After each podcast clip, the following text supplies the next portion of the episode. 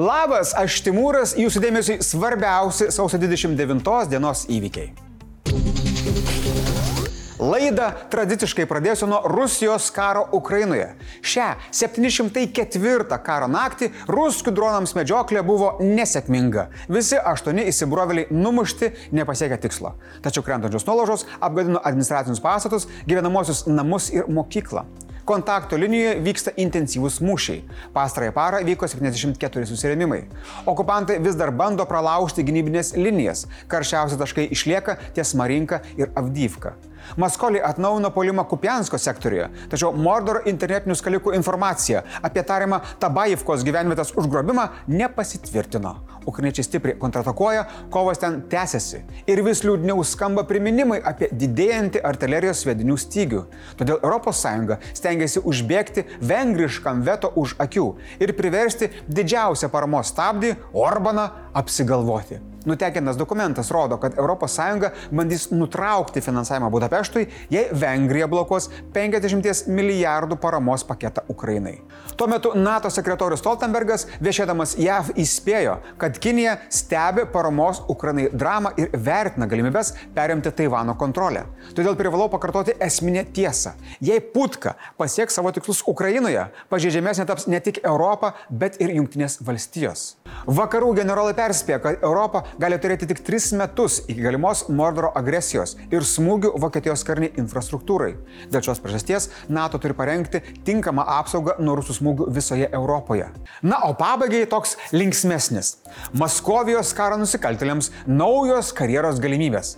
Dalyvavusiems kare Ukrainoje ir dėl sveikatos ar kitų priežasčių nebegalintiems toliau galėti numirti už putką, siūloma dalyvauti perkvalifikavimo programoje ir tapti mokytojais. Tai va tokiems degtinė ir šlapimu prasmirdusiems orkams rekomenduojama vesti pamokas su karne uniforma, demonstruoti karne įrangą, amuniciją ir organizuoti jaunuolių nacionalinį patriotinį auklėjimą, kad šie agituotų už putką ir norėtų už jį numirti. Nu, planas vo.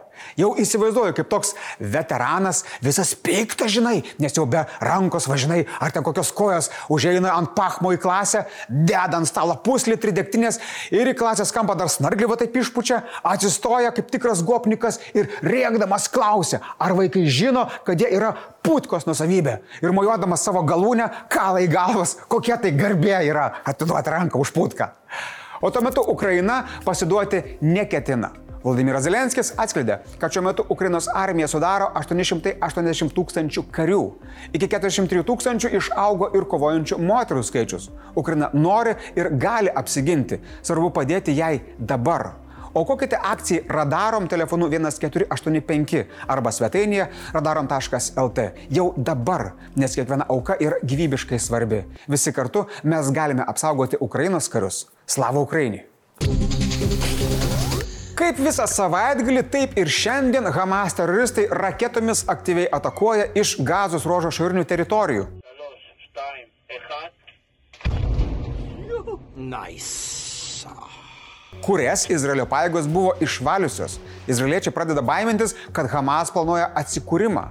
Kan Juniso miesto gyventojai praneša apie aplink dvi pagrindinės ligoninės vykusi smarkų oro ir tankų apšaudimą. Tiesa, gazos ruože vis dar liko nepaliesta net 80 procentų Hamas tunelių, kurie driekėsi beveik 500 km po palestiniečių teritoriją. O Jordanijoje, netoli sienos su Iraku ir Sirija, surinkta ataka prieš Junktinių valstybių karinę bazę pavadinimu Tower 22. Per išpolį žuvo 3 kariai, sužeista 34. Tai pirmieji JAV kariniai nuostoliai nuo Izraelio ir Hamas karo pradžios. Tiek Bidenas, tiek Junktinės karalystės užsienio reikalų sekretorius Davidas Cameronas apkaltino radikalias Irano remiamas smogikų grupuotės Irake ir Sirijoje, o Iranas jau paneigė kaltinimus. Pasak karo eksperto Egidijos Papečkio, trijų amerikiečių karių žutis Jordanijoje greičiausiai dar netaps priežastimi plėsti konflikto geografiją regione. Valstijoms tenka atlaikyti ir kitą frontą. Jemeno hučiai toliau rodo, kad neketina atsipalaiduoti Raudonoje jūroje ir sekmadienį teigia paleidę raketą į JAV karo laivą plaukusi per Adeno įlanką. Kalbama, kad dingo du amerikiečių jūreiviai, tačiau šaltiniai Junktinių valstybių gynyboje paneigė gandus. Ir dar savaitgalį išsirutuliojo nemenkas skandalas su Junktinių tautų palestiniečių pabėgėlių pagalbos agentūra. 12 agentūros darbuotojų buvo apkaltinti dalyvavimu sausio 7-osios žudynėse. The New York Times teigimu, 10 iš jų yra Hamas nariai, o vienas priklauso Palestinos islamo džihadui. Agentūra pradėjo tyrimą ir darbuotojus atleido.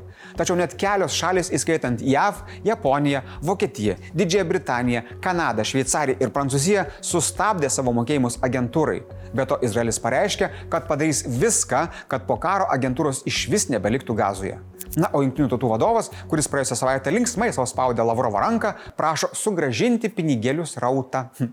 Na, aš jums sakiau ir sakysiu, metai proto neprideda.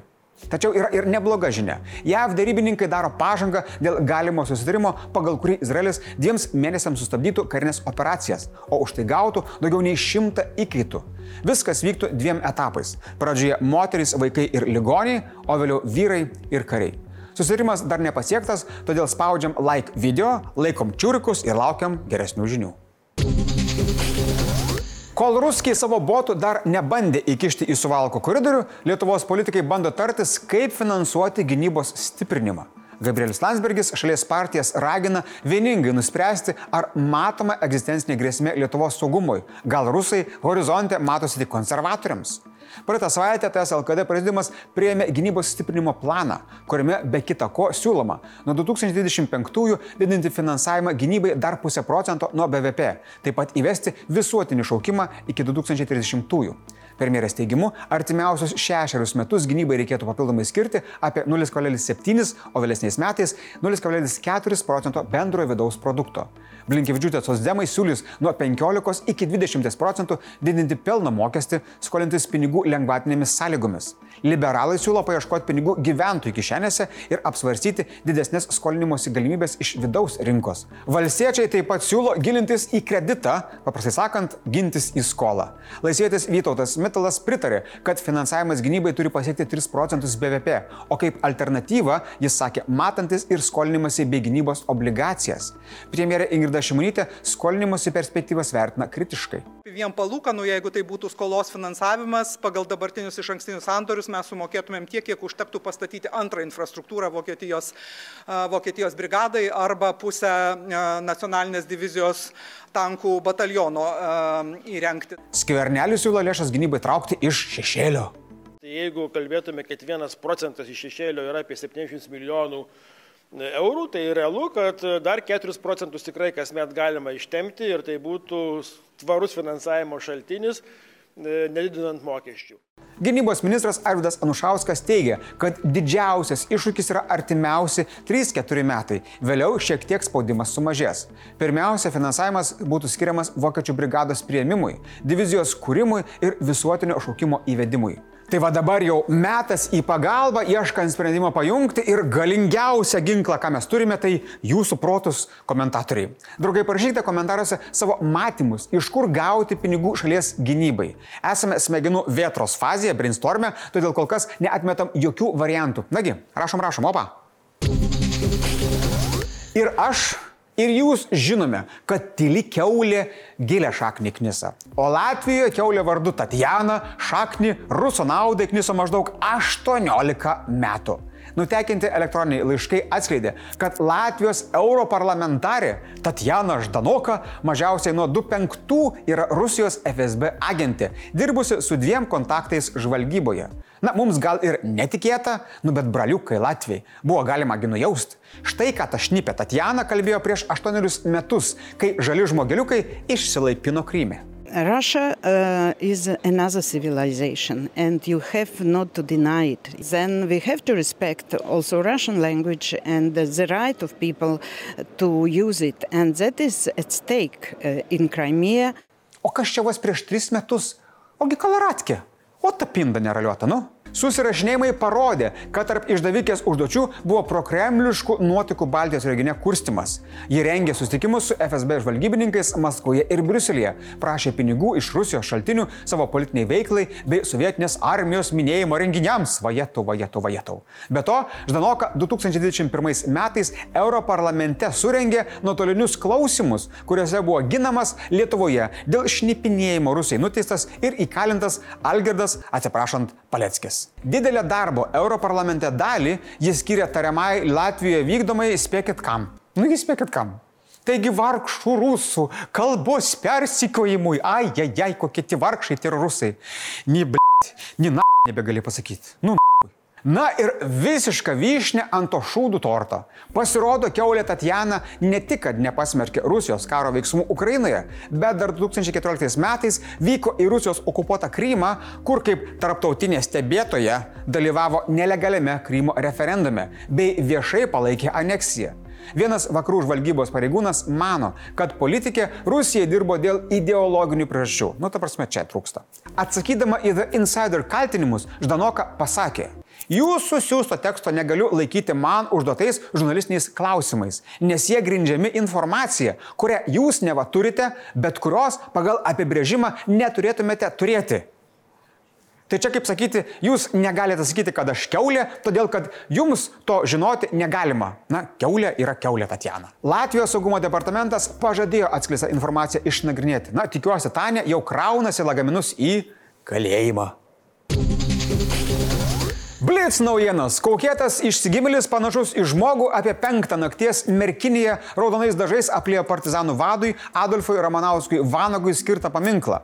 Pasak policijos, toks išpolis jau nebe pirmas. Dažais buvo aplėtas ir šis, ir Lasdijų rane esantis partizanų vado paminklas. O įtariamųjų pareigūnams nustatyti taip ir nepavyko. Tėvai skundžiasi, kad sostinės darželėje žvangutis vaikai patyrė fizinį ir žodinį smurtą. Pastarąjį patvirtina garso įrašai. Išvarysiu, pro langą išmėsiu. Aš tavęs klausiu, kodėl reikia šitaip kaip atsiutus? Ką? Kas nebereikia, neduosiu skudro, jeigu taip darai. Dar jinai man rėks. Nerodyk man savo dantų, aš tave negaliu žiūrėti. Viskas. Dar jinai man staukš. Eik iš čia negaliu žiūrėti. Pasak tėvų, dviejų metų mažyliams buvo duodamas mažesnės maisto porcijos tam, kad jie nesituštintų. Vaiko teisės anksčiau yra gavusios pranešimų apie šį darželį, tačiau priemonių nesijėmė ir jame nesilankė. Šiuo metu aplinkybės aiškinasi policija. Šiaip pavadinimas žvangutis turėjo būti pirma raudona vėliava. Po užsienio reikalų komiteto posėdžio ministras Gabrielis Landsbergis informavo, kad valstybės saugumo departamento nurodymų užsienio reikalų ministerija pradėjo tarnybinį tyrimą dėl konfidencialios ar riboto naudojimo informacijos paviešinimo derinant ambasadorių kandidatūras. Vidiniai patikrinimai vyksta ir urme. Draugai, primenu, kad šiandien komentaruose suremkite galvas, pečius ir klaviatūras ir parašykit savo matymą atsakymą, iš kur Lietuvos gynybai gauti pinigų. Geri variantai tikrai neprapuls. O kol galvojate, aš pasidžiaugsiu, jog pagaliau buvo rastas puikus video vaizduojantis žmogaus ir pirmadienio santykis. Mink, mink, mink. Komentarų apžvalga. Savaitgalį po mūsų laida komentaruose užvirė diskusijos ir istorijų pasakojimai apie gimtadienius. Pasirodo, Edvinas Juraitis iš vis nešvenčia gimtadienių. Edvi, susijimk ir pradėk balevot. Tai labai labai svarbus dalykas.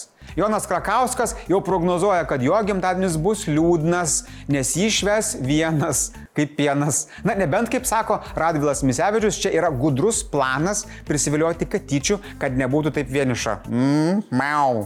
Na, bet virtualų medalį dovanoju vaikui, kuris parašė taip. Man 13 metais per gimtadienį dienos metu apvogė būtą, išnešė kompus, fotikus ir visus vyriškus kvepalus, susidėjo viską į šuns apmištą tašę. True story. Vo, šiandien tiek žinių. Iki.